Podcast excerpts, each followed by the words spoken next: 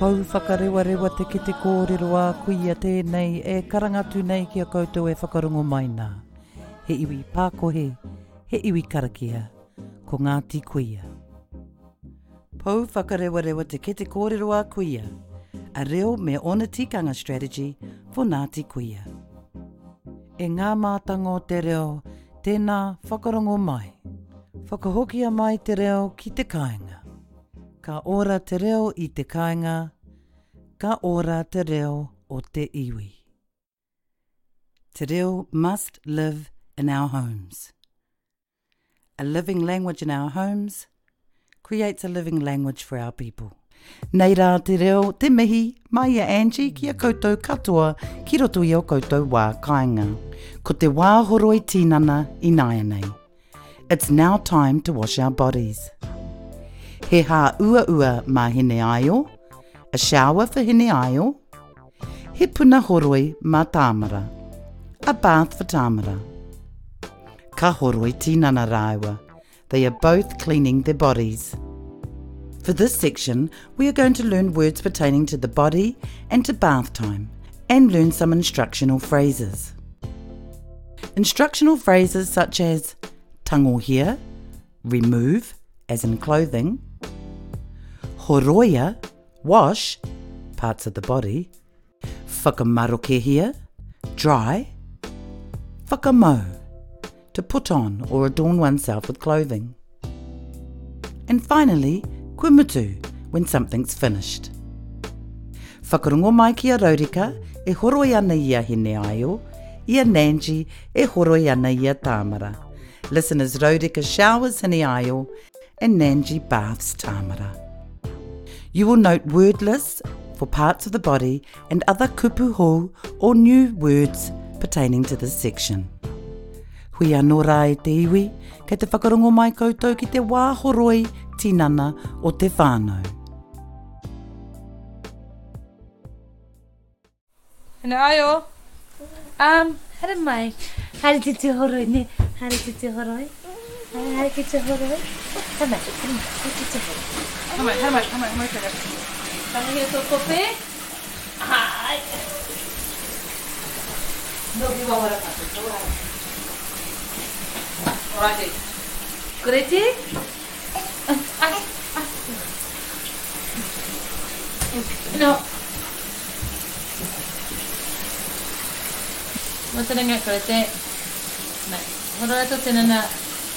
All right. All right. Hodoya, hodoya, totsi nanae. Yappo ai, yappo ai, to ahu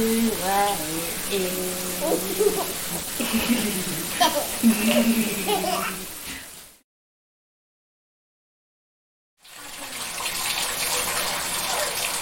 ko wa de la tsu ta ko ha ma ki ba ho lai ka sa mo na ka Ringa ringa ki ringa tango hia tō ki hate. Tango hia o tarau. Tango hia o tarau i te whai ho, me tango tōhere maku e hoke. Tango ka āta mahi a nengi. Tēnō taka.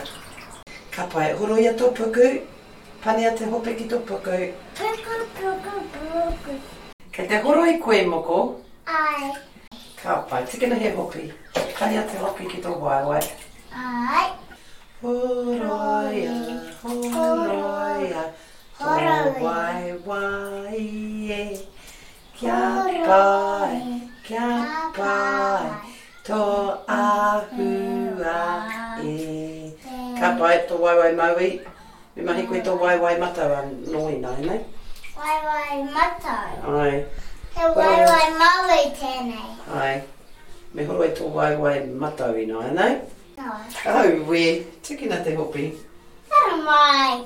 Hara mai hopi. Au we, tukina. Ka horo e tō tuara hoki, ka pani a te hopi ki tō tuara. E ata wa wai tāno. oh, Horo.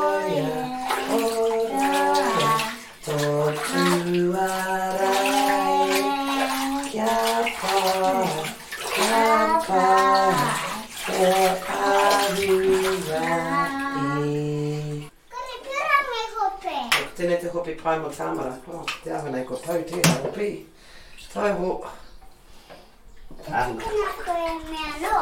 Nei te hopi mako e ne. Mako e. Ka tani a ki to mako e. Anei, takoto. Ka pai, takoto. Ai! Oroia, oroia, to makawe. Kia pai, kia pai to ahua e. Kama te te roi ma koe. Kama te te roi kuku. Kama te te roi ringa ringa. Kama te te roi tura. Ka pai. Ka pai. Hara mai. Whakamaro ke te rita tīnana nei. Hau hanui. Mora ke take waiwa. Whakamaro ke aha taku ringa. Whakamau tō hinga riti. Right, ringa ringa kira mm. tō. Tauri mai, e ka whakamaua tō kope. ka whakamai taku kope. mai taku taru mai. Ka pai aha e nante. Pō mari. Pō mari e. Tanguhia. Tanguhia. It's the word for remove or to take off. It's an instruction when used in this way here, take off or remove. In the recording, you will hear it used encouraging and instructing the removal of clothing for bath time. Accordingly, the item of clothing being removed follows here, remove, tō kopi, your nappy. here. remove. Tortiate, your t-shirt. Tangohia, remove. Tōtaro, your trousers. Tangohia, remove. Tōtaroiti, your undies. Tangohia, remove. Tōhere makawe, your hair tie. Tō means your. and then you add the item of clothing. Tanguhia tō kope. Take off your nappy. Tanguhia tō tiate. Remove your t-shirt. And so forth. All of the instructional words following can be used in the same manner. Horoia. It's an instruction word to wash something. Horoia. Horoia tō tuara. Wash your back. Horoia tō puku. Wash your belly. Horoia tō waiwai maui. Wash your left leg. Horoia tō waiwai matau. Wash your right leg. Likewise, the instruction word whakamaroke here for dry, whakamaroke here tō makawe. Dry your hair. Whakamaroke here tō waiwai. Dry your leg. The instruction word of fakamoa, put on or adorn oneself when we're putting on our clothing. Fakamoa tō tihati, put on your t-shirt. Fakamoa tō hingariti, put on your singlet.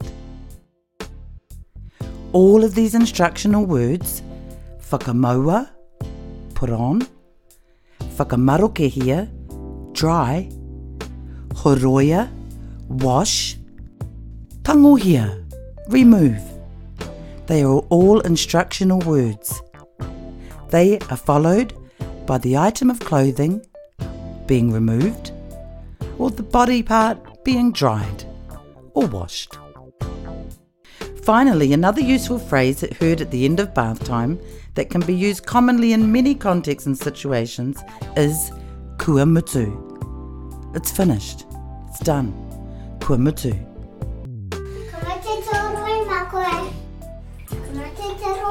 kuku. Ma te tūru e ringa ringa. Ma te tūru Kumutu is followed by whatever has just been finished. Kumutu te horoi. Washing's just finished. Kumutu te horoi makawe. Finished is the hair washing. Kumutu te horoi puku. Finished is the puku washing. Kumutu te horoi ringa ringa. Finished is the hand washing. We can use kuemutsu, followed by whatever is finished, in a whole myriad of contexts and situations. Kuemutsu dekai, kai's finished. te demahi, work's just finished. Or te kura, school is just finished. Kuemutsu, it's a good one to have in your kete kōrero. You will note on the Wa Horoi Tinana page a word list containing words pertaining to body parts, as well as kupu hall or new vocabulary pertaining to the wā the time that we wash our bodies. You can also find a transcript with translations of the dialogue between both Nanji and Tamara and Rodika and Hiniayo. Kia kaha, kia maia, kia ha paitia, tō tātou reo mi ona tikanga.